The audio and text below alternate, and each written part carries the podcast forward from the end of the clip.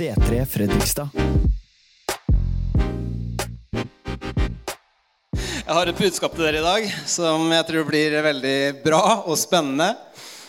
Så det, det Teksten i dag, eller store overskriften, det er 'Hjelp, jeg er en alien'. Slapp av, vi skal ikke bli noe scientologikirke her, men eh, det kommer til å være et budskap som jeg tror kommer til å vekke oss litt opp. Det var forresten Vi hadde bønn her om tirsdagen. Eh, vet du hva, Jeg drømmer om en kirke hvor vi samles alle i bønn. Altså. For det Gud vil gjøre, det, det, baner vei gjennom bønn. Eh, og vi opplever at Gud han, han møter oss virkelig kollektivt. Eh, jeg bare sier det før jeg starter opp, for jeg har bare bedt for det her gjennom hele uka. det møtet her også, og for kirken.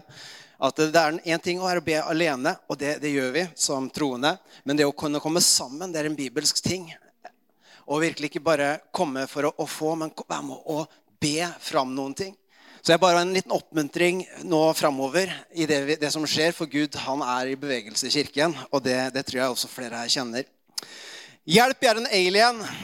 Tenk at du våkner opp eh, en dag og ser deg i speilet og sier Hjelp, jeg er en alien. Du ser deg sjøl i speilet, og du ser at du har blitt en alien. Jeg skulle kanskje hatt det sånn før- og etterbilde, men det har jeg ikke. Men ikke bare ser du annerledes ut, du føler deg ikke heller hjemme her på jorda. Akkurat som du har fått et nytt du, Det er en planet du egentlig tilhører. Du føler deg fremmed her på jorda. Du ser, du ser liksom oppover, og du savner den her hjemplaneten, den gullplaneten. At en dag skal jeg komme hjem til den gullplaneten. Jeg ser forskrekka ansikter her. Men jeg, jeg, og ikke bare det, du har fått et nytt alienspråk òg. Jeg vet ikke hvordan det høres ut, men jeg har hørt at eh, alienspråk det er, eh, Jeg vet ikke om du har sett på alienfilmer, men det høres ganske rart ut. Det er ikke så mange som forstår det. Og det er akkurat åssen du kan kommunisere med hjemplaneten. Og ikke kan du spise vanlig menneskemat lenger heller. Du må ha alienmat. Det er en helt ny type mat som du må spise. Og ikke bare det, mens du er her på jorda, så har du fått også et sånn signal det, eh, fra, fra, romskipet der oppe, eller eh, planeten, at du har fått et oppdrag. At du skal være her for å hjelpe alle til å bli aliens. For en dag så kommer romskipet ned og skal hente alle aliens. Det her er science fiction på de beste, er det ikke det? Er det noen som liker science fiction her? Et par stykker. Resten synes det blir litt for mye. Men jeg tenker, hva om det her ikke bare er en surrealistisk historie? Hva om vi egentlig er aliens? Jeg bare elsker det her. Halve kirken går, liksom.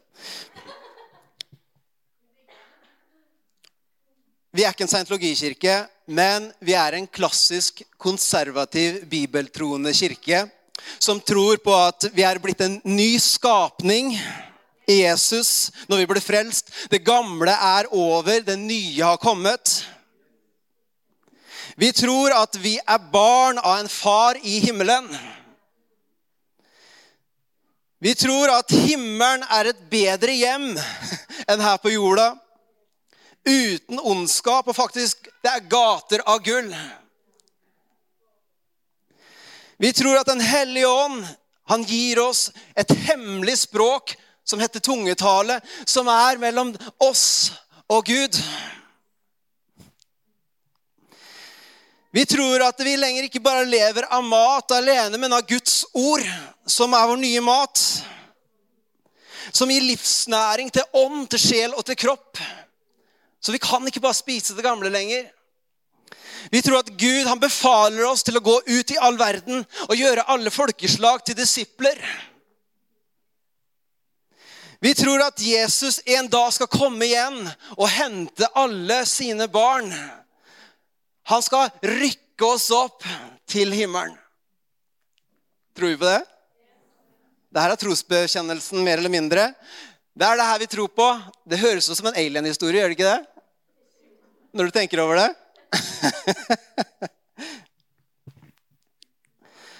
Men det er det her vi tror på som kirke. Vi er en klassisk, konservativ, bibeltroende kirke.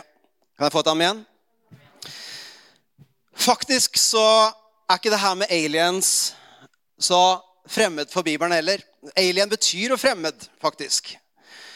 Og i 1. Peter kapittel 2 i den engelske oversettelsen for alien Du vet at det er engelsk, ikke sant? Så jeg må lese det her. Jeg står det, Dear friends, I urge you as aliens and temporary residents not to give in to the desires of your old nature, which keep uh, wearing against you. På norsk så står det 'Jeg formaner dere' Det står det. Det står 'aliens'. har jeg med da? På norsk så står det 'Jeg formaner dere, mine kjære, som er fremmede og utlendinger'. Sky lystne som kommer fra deres kjøtt og blod, altså vår gamle natur, og som fører krig mot sjelen.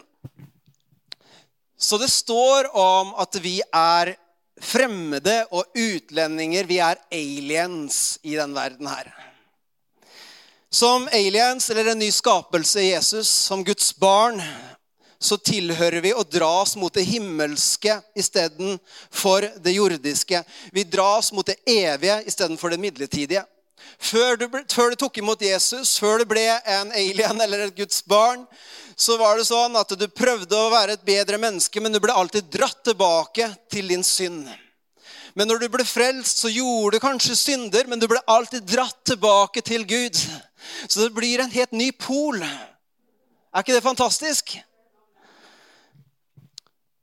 Og det står at vi er i denne verden. Du er jo her i dag, så jeg antar at du er her. Men vi er ikke av denne verden. Vi er annerledes.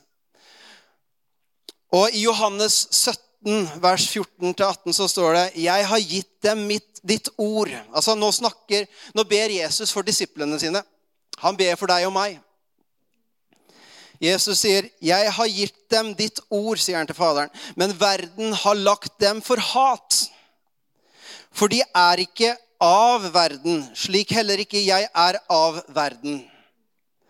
Jeg ber ikke om at du skal ta dem ut av verden, men at du skal bevare dem fra det onde. De er ikke av verden, her sier han igjen, tydeligvis viktig, slik jeg ikke er av verden hellige dem i sannheten. Ditt ord er sannhet. Som du har sendt meg til verden, har jeg sendt dem til verden. Her ser vi historien, alien-historien. Og Det er faktisk sånn at verden hater aliens. Det står her. At de hadde lagt dem for hat. Verden hater aliens. Jeg skal fortelle. I, andre, i Apostelens gjerninger 2 så, så, ser vi jo den første kirken hvor den var godt likt av, av folket. står det. Av hele folket. Den var godt likt av hele folket. Kirken var proaktive til å bygge broer og, og, og strekke ut en hånd til dem som var trengende. og Ta seg av enker. Den var, var på'n for å hjelpe mennesker. Og det er vi kalt det, vi også. Og Folk liker å bli møtt med kjærlighet, gjør man ikke det? Sjenerøsitet og glede og vennlighet og ydmykhet og åndsfrukter. Folk liker å møte hyggelige folk. Men allikevel så er det noe som gjør at man også hater det her som har med kristne eller kristendom eller Kristus å gjøre. Bibelen er tydelig på det. Verden har lagt dem for hat. De er, for de er ikke av denne verden, slik ikke jeg er av verden. Vi er ikke av denne verden. Altså Det er ikke nødvendigvis kristne som mennesker man snakker om her. Men det er det kristne representerer, som er Kristus. Kristne betyr jo Kristus-like. Så sa han at vi tilhører Jesus og, og lever og utøver vår tro. Har et bønneliv, lever etter Guds ord, så vil vi ha en verden som hater det vi representerer. Når vi ikke lever et liv i tro, så har jeg heller ikke Da har vi jo like denne verden, så da reagerer vi ikke. Ikke sant? Så det er noe vi representerer som verden hater. Og verden, det er ikke nødvendigvis Det er det som Det er en åndsmakt. Verdens ånd. Det er det vi snakker om her. En, vi tror på at det fins engler og demoner. Vi tror at det, det fins en gud, og det fins en djevel. og vi tror at det fins åndelige krefter som, er, som vil hindre Jesus å komme inn i hjertene til mennesker. Som ikke er glad for eh, misjonsbefalingen om å bringe evangeliet ut til alle. Det er en som prøver å hindre det.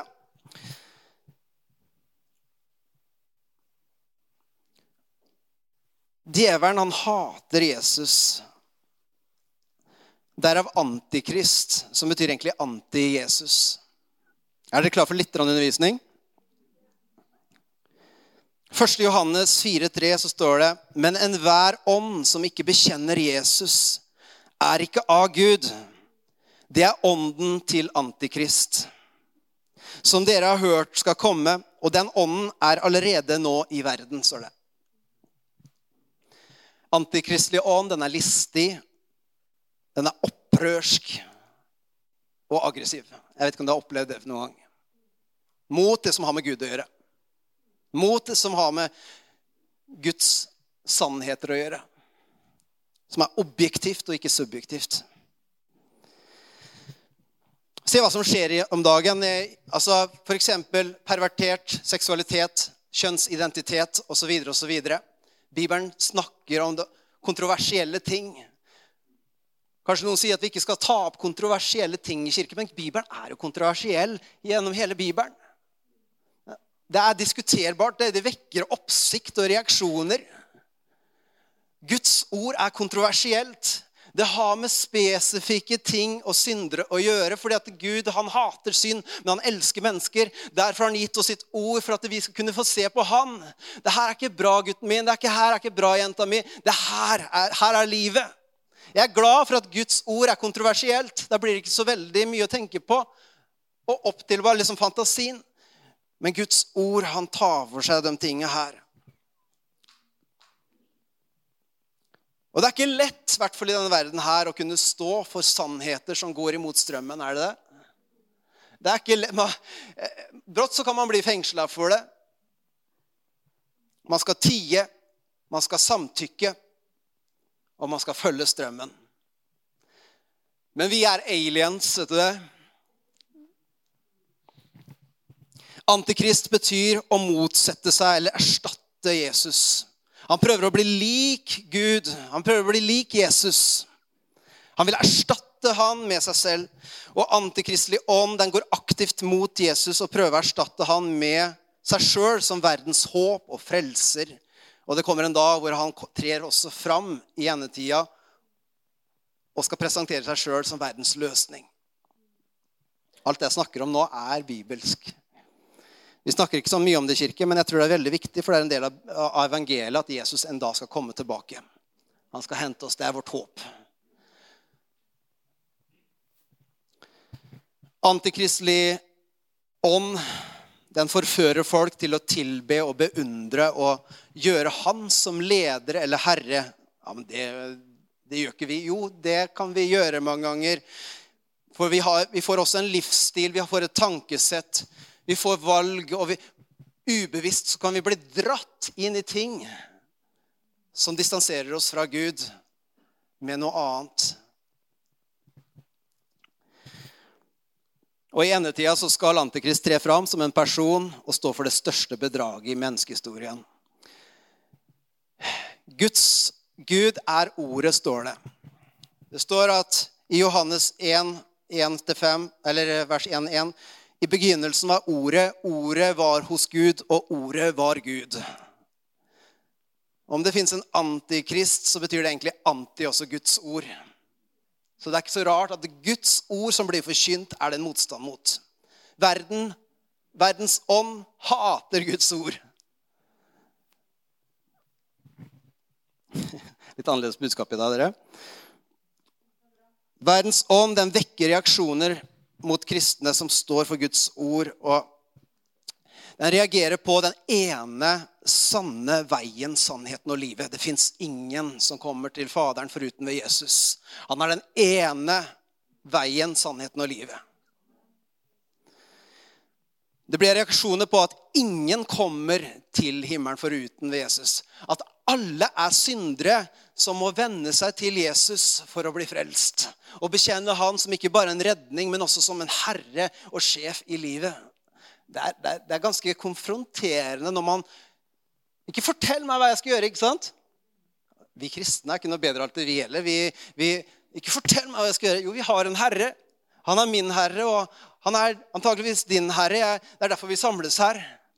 Og sammen så følger vi Guds ord.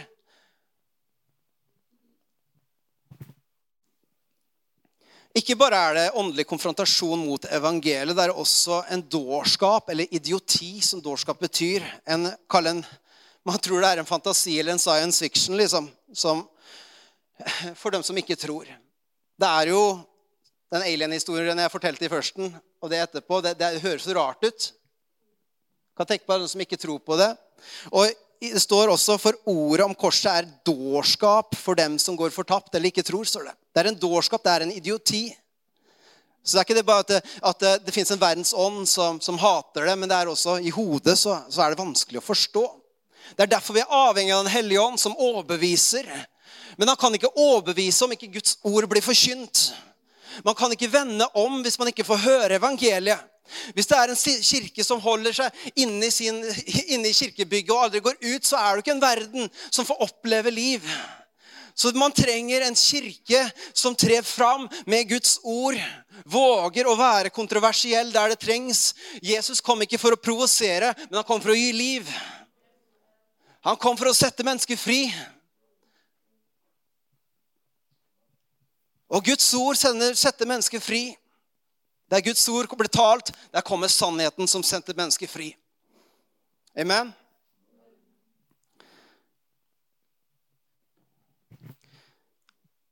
Våg å være en alien.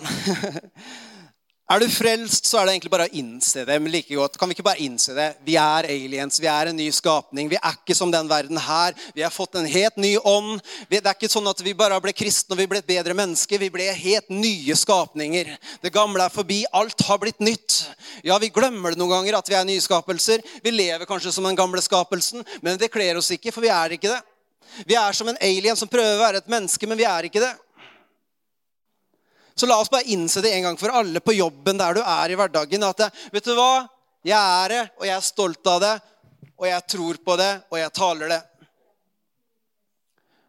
Skulle det være motstand på det? Jeg skjønner jo det står om i Bibelen òg, at det skal jo være motstand på det. Det skal jo være folk som ikke skjønner det. Men det betyr ikke at vi ikke skal tale det. fordi uten at vi taler, så er det ingen heller som vil, vil se det. Ikke sant?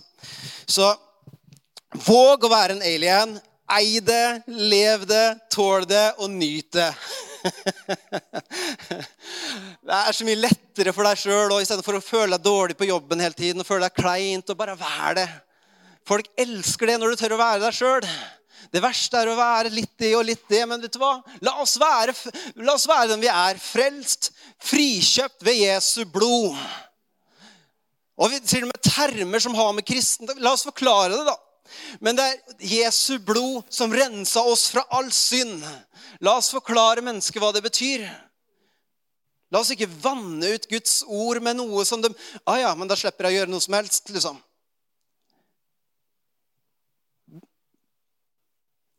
Det er bedre å ha to som, som sier 'jeg vil følge Jesus', enn hundre som sier ja, jeg får vel Kom uansett og trenger ikke gjøre noe. liksom. Vi, herre og frelser. ikke sant? Vi forkynner det rene, ekte, kompromissløse evangeliet. Jeg tror det er det verden trenger en tid som vi går inn i. Og det er sånn at sannhet og nåde det kysser hverandre, står det i Bibelen. Så du har sannheten som blir talt. Sannheten kan også brukes til å banke opp folk. Dessverre. Men den kysse nåden, det betyr at eh, nåden kommer sammen med sannheten. For Gud er sannhet, men han er også kjærlighet. Så hvis Gud er 100, og Det er ikke sånn at det er 50-50. Vi må prøve å tilpasse oss sånn at det er litt sannhet, og samtidig at det er mye, mye kjærlighet. ikke sant? Eller i hvert fall 50-50. Sånn at det skal bli forståelig, og at ikke folk skal bli skremt. Men Gud er ikke 50% i noen ting. Han er 100 det er bare Gud som kan være 100 av alt. Han er 100 nåde og kjærlighet og omsorg. Og han er 100 sannhet som setter oss fri, som konfronterer mange ganger. Så han er 100 Og uten at vi forkynner det her, så fyller ikke folk catche evangeliet heller. Det står også for min del, som er en underviser som underviser Guds ord. Jeg vil heller ikke få en dom når jeg kommer til himmelen på at jeg underviser feil. Jeg vil holde meg til Guds ord. Så det er også et ansvar vi som forkynner har, å forkynne det hele Guds ord. Amen.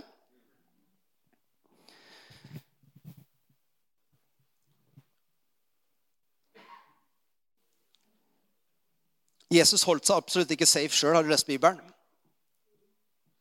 Han holdt seg ikke safe eller politisk korrekt i sine uttalelser alltid. Og det var ikke fordi at han likte det. Altså, jeg liker kleinhet litt. Men jeg tror ikke Jesus jeg tror han, jeg kunne bare sagt bare for å gjøre det litt kleint, men jeg tror ikke Jesus var sånn. Så jeg har litt å gå på der. Men han sa noen ting fordi han hadde en så For så høyt elsket Gud verden at han ga sin sønn, den enbårne. For at hver den som tror på han, ikke skal gå fortapt, men ha evig liv. Ikke sant? Så han elska mennesker så høyt at han turte å tale ut.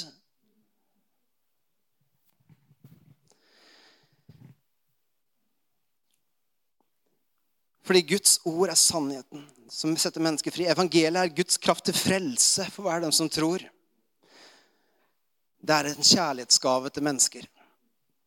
Man skjønner det kanskje ikke med en gang. Du snakker til barna noen ganger og sier at noen ganger så må du tale sannheten til dem. Liksom, du, du, du, vet jo hva de trenger, men de forstår det ikke, og de blir så sinna. Ikke sant? Unger. Uff. Men også åh, deilig, ikke sant?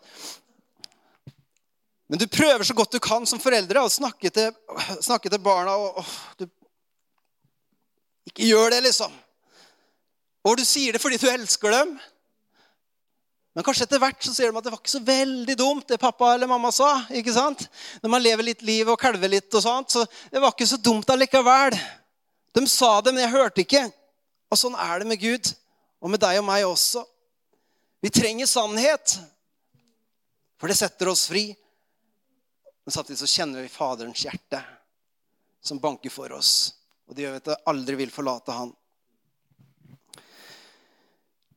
Romerne 1,16 så står det For jeg skammer meg ikke over evangeliet. Det er en Guds kraft til frelse for hver den som tror. Jeg skammer meg ikke over evangeliet. Skammer vi oss over evangeliet? Ja, jeg tror det. Jeg tror det mange ganger. Jeg vet ikke åssen det er med deg når du møter En ting er her. Her er det jo safe å snakke om eh, sannheter. Og, ikke sant? Men når vi kommer ut av døra og møter folk, så jeg tror faktisk noen ganger at vi kan si at vi skammer oss litt. I hvert fall så tør vi ikke å ta opp den kampen. For vi ønsker ikke diskusjoner, for det skal vi ikke vi kristne gjøre. Nei, jeg tror, ikke, jeg tror ikke vi trenger diskusjoner som får fram masse kaos. Men jeg, jeg tror at vi noen ganger må tenke på det. Skammer jeg meg? Er det her faktisk en skammer jeg meg over Jesus og evangeliet? Hvorfor snakker jeg ikke høyt om det?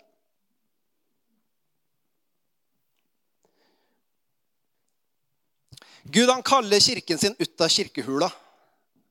Nå er vi så heldige å få lov til å være her på Sion. Er det noen som er takknemlig for det? At vi får lov til å kalle det her et hjem. Wow. Og Det er stor sjenerøsitet fra Sion, og det, det, er vi kjempetakknemlige for.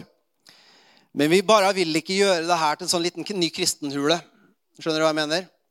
Dette skal ikke være en kristenhule. Dette skal være et sted hvor som bygger broer til samfunnet, til, til lokalmiljøet her. Dette skal være et sted som er yldrer av liv og mennesker og, av alle slags typer. Og alle slags religioner. For vi ønsker at alle skal få lov til å møte Jesus, og noen må tale ut. Vi ønsker ikke at dette bare skal være et hyggested hvor vi kanskje inviterer folk på mat. vi skal det. Men vi ønsker også å tale til dem om gode nyheter, som evangeliet er, som setter mennesker fri.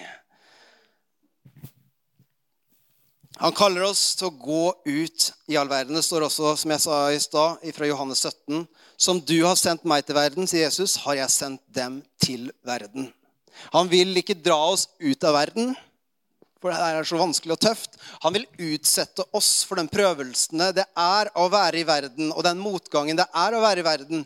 Hvordan kan Gud sette oss inn i et sted hvor det er kaos og motgang og, og, og alt dette her, hvor vi føler at det, det her blir for mye. Er det kjærlighet? Han har lovt oss å være med oss alle dager inntil verdens ende, står det i misjonsbefalingen. Så vi, når vi tror på det og vet at Gud er med oss, hvem kan da være imot oss? Når han som bor i oss, han er større enn den som er i verden, da gjør det noe med oss når vi er faktisk i denne verden, men representerer noe som ikke er av denne verden. Og Gud han kaller sin kirke, han mobiliserer nå sin kirke. Og for dem som ønsker å være kristne, dvs. Si Kristuslike, så sier han at akkurat som jeg er sendt til denne verden, så sender jeg dere til denne verden. Så vi kan ikke være en kirke uten å forkynne evangeliet ut. Det går ikke. For den som er fylt av kjærlighet, den gir kjærlighet. Den som har opplevd nåde, den gir nåde.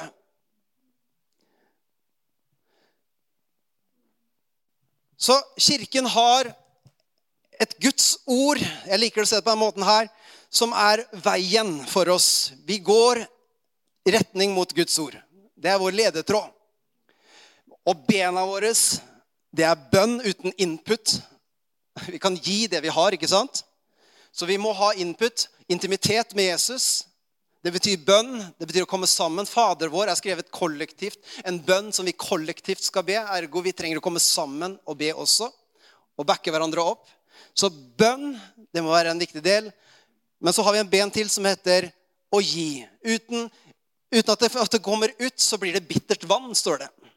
Så du trenger et ben som heter bønn, og et ben som heter evangelisasjon. Et ben som heter bønn og evangelisasjon. Og så går vi på Guds vei med Guds ord, med sannheten. For det er da kirken kan bevege seg framover. Der ikke bønn er til stede, der ikke evangelisasjon er til stede, står vi på stå null i vår kirkehule. Men det, der vil vi ikke være. Og der vet jeg også at vi, vi, er, vi, er, ikke der. Men vi vil ut, men vi trenger nå et liten kick i rumpa, og det kommer litt nærmere. Men nå er bønn viktig. Jeg kjenner at i kirken nå å mobilisere til bønn Jeg vet at jeg, som pastor så Jeg har et hjerte for kirken. Jeg kjenner det. Og jeg lider når jeg ser at mennesker ikke kommer på møte lenger. Men jeg lider også når jeg ser at man ikke kommer sammen i bønn og har, Jesus, har intimitet der. Jeg unner alle et kjennskap med Gud, et vennskap med Gud.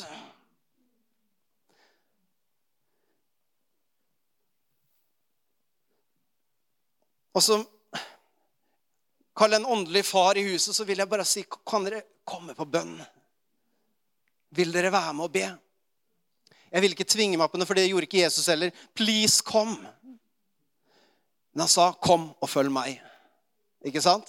Så skal vi komme og følge Jesus og gjøre det sammen. Gud, han har noe for oss.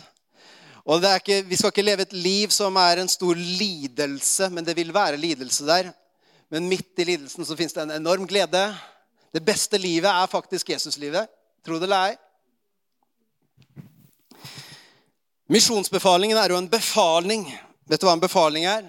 Det betyr at vi har gjort han som herre i vårt liv, og vi sier at vi følger Jesus. Men det er sånn at Jesus alltid er på, er på vei til et menneske som trenger han. Og det å følge Jesus fører oss alltid et, et menneske som trenger han. Ikke sant? Så sånn er misjonsbefalingen. Kirken er derfor ikke perifer for verden. Verden er perifer for kirken. Det betyr at kirken er ikke den som skal dras mot verden, men verden den vil dras mot kirken pga. det vi representerer. Verden skal ikke gi kirken liv og håp. Ny teknologi og, og liksom Nei, kirken skal gi verden liv. Vi er verdens håp. Vi er et lys i denne verden her. Kirken skal ikke være redd. Det er verdens ånd som skal være redd. Reinhard Bunke sier vi er her for å plyndre helvete og befolke himmelen. Det er en spirit som kirken skal ha. Kirken er Kristi kropp, som Gud snakker og handler gjennom, og der han fyller alt med sitt nærvær. Et veldig fint sitat. Og i Efeserbrevet, siste bibelverset nå Efeserbrevet eh, kapittel 1, 1 vers 20-23, så står det Med denne veldige makt og styrke reiste han Kristus opp fra de døde og satte ham ved sin høyre hånd i himmelen, over alle makter og myndigheter, over alt velde og herredømme og over alle navn som kan nevnes, ikke bare i denne verden, men også i den kommende. Alt la han under hans føtter, og han, hodet over alle ting, har han gitt til kirken, som er Kristi legeme, fylt av Han som fyller alt i alle. Her ser vi det igjen. Han har gitt den autoriteten til oss. Han som fyller alt i alle, har han gitt til oss som kirke. Det står om at vårt beger flyter over. Istedenfor å leve et underskuddsliv liksom, som hele tiden trenger å få pust, så er vi ment å leve et overflodsliv.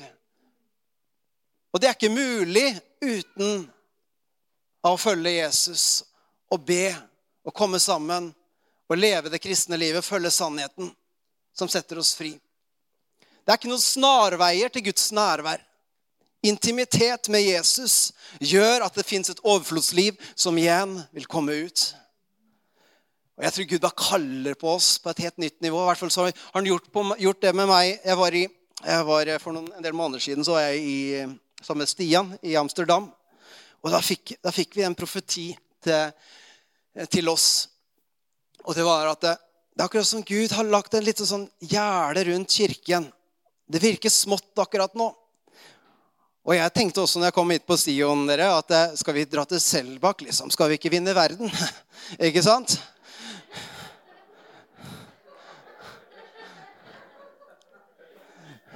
Altså Jeg lover å være ærlig. Men så jeg tenkte ja, ja, ja, vi får bli en sånn kirke da, liksom, eh, som, eh, som holder oss eh, for oss sjøl der på Selbakk. Akkurat som det ikke er nok av kirker der. ikke sant?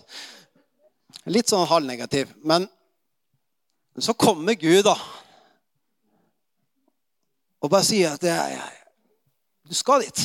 Ikke sant? I hvert fall så opplevde jeg det. Noen ganger kan man si at det er Gud, for det er sånn jeg opplevde det. Jeg opplever det enda at det var sånn. Og, jeg, og når flere opplever det, og, vi kjenner sammen at det her er Gud, så, så tror jeg, jeg tror det er det. Ja. Det blir ikke bare Ruben som sier det, liksom. Men jeg tror at det å kunne være annerledes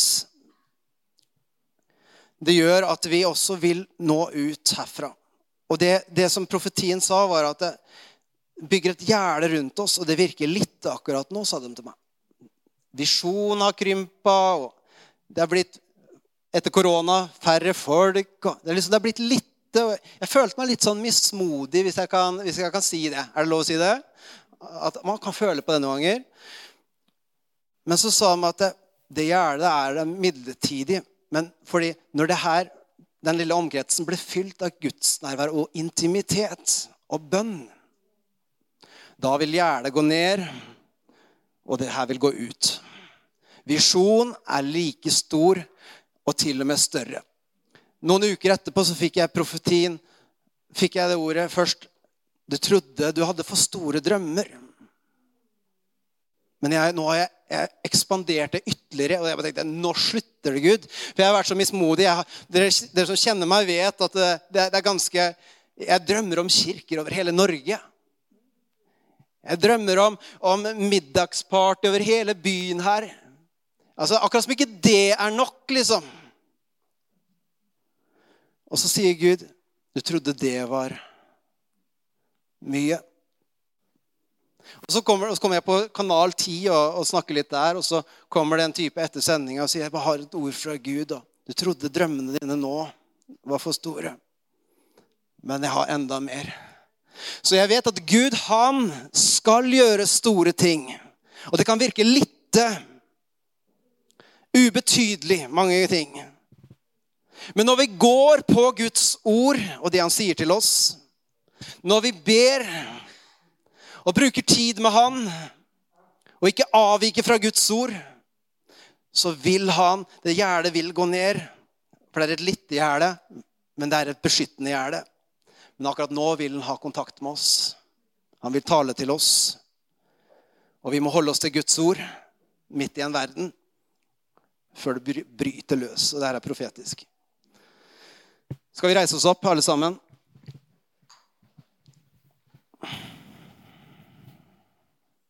Jesus er vår ene og rette vei. Han er vår sannhet, og han er livet. Å gå imot strømmen dere, det, det, kan være tøft noen ganger. Jeg husker på utrykningslaget mitt Kjære tid at de fant på noe sånt. De, de tok en liten sånn elendig altså Det var et helt sikkert hull inn, eller for litt luft inn. Den bare pælma en liten sånn plastikk, eh, eller sånn oppblåsbar eh, båt på Glomma og kasta meg ut i den båten. Og jeg skulle uten eh, noe Jeg hadde null kontroll. Jeg bare fløt nedover i rekordfart. Den, den tok meg her på Selbakk, og jeg endte opp nede i Gamlebyen. På ganske rask tid. Og jeg bare prøver å holde meg inntil, inntil sida her. liksom. Vi gjorde alt jeg kunne. da. Heldigvis så gikk det greit. Det var noen som fikk dratt meg inn. Jeg tror de fikk litt svette sjøl. Så jeg ble bare dratt med av strømmen. Jeg hadde ikke sjans nubba. Det er stor strøm. altså. Det er noen som bada i Glomma. Jeg håper ikke det, men altså, du ligger dårlig an. Og ikke klarer å svømme mot uh, Glomma heller. Det er, men tenk deg hvis du hadde hatt en poengsmotor. For du kan, du kan, det, er, sånn her vi gjør mange. Vi, vi går imot strømmen. Det kommer liksom ikke noe vei. Til slutt så blir vi dratt med av strømmen allikevel. Det kan være oppperioder, og, men vet du hva, vi blir dratt med av strømmen. Men vi har en, ikke bare en påhengsmotor, vi har en 500 hest der, hvis vi vil. Det er litt kjedelig på en liten oppblåsbar båt, kanskje, men du skjønner hva jeg mener? Da går det rett ned. Nei, det var et dårlig eksempel. Men vi har en motor, motor som kan gjøre Som skal være med oss når vi går imot strømmen. Som gir oss kraft til å gå framover som gir oss mot til å gå framover. Og som gir oss til og med glede av å gå imot strømmen. For det er en glede å tjene Gud. Det er en glede å få være med på det Gud gjør. Er det ikke det? Jeg syns det har vært fantastisk å kunne følge Gud. Det verste som er, er å være midt imellom. Leve sånn øh, 'Orker ikke kristenliv', men samtidig jeg får vel være frelst, liksom. Det er bedre å leve fullt ut. Har du ikke bestemt deg, velg side lunken. Det er ikke vits å være. Vær kald eller varm. Det er ikke noe vits å være her hvis du ikke er kristen. Da tar du et valg. Alle er velkomne hit. Men min bønn er at når man kommer hit, så får man et valg om å følge Jesus eller ikke. Så det er her vi sier at vi er en kirke. Vi er her for alle. Alle kan komme. Men når man møter Jesus, så blir man stilt for valg. Og man blir stilt for valg når man får en sannhet som setter oss fri. Og den sannheten er du og jeg ansvarlig for å gi ut til en verden som trenger det som mest. Amen.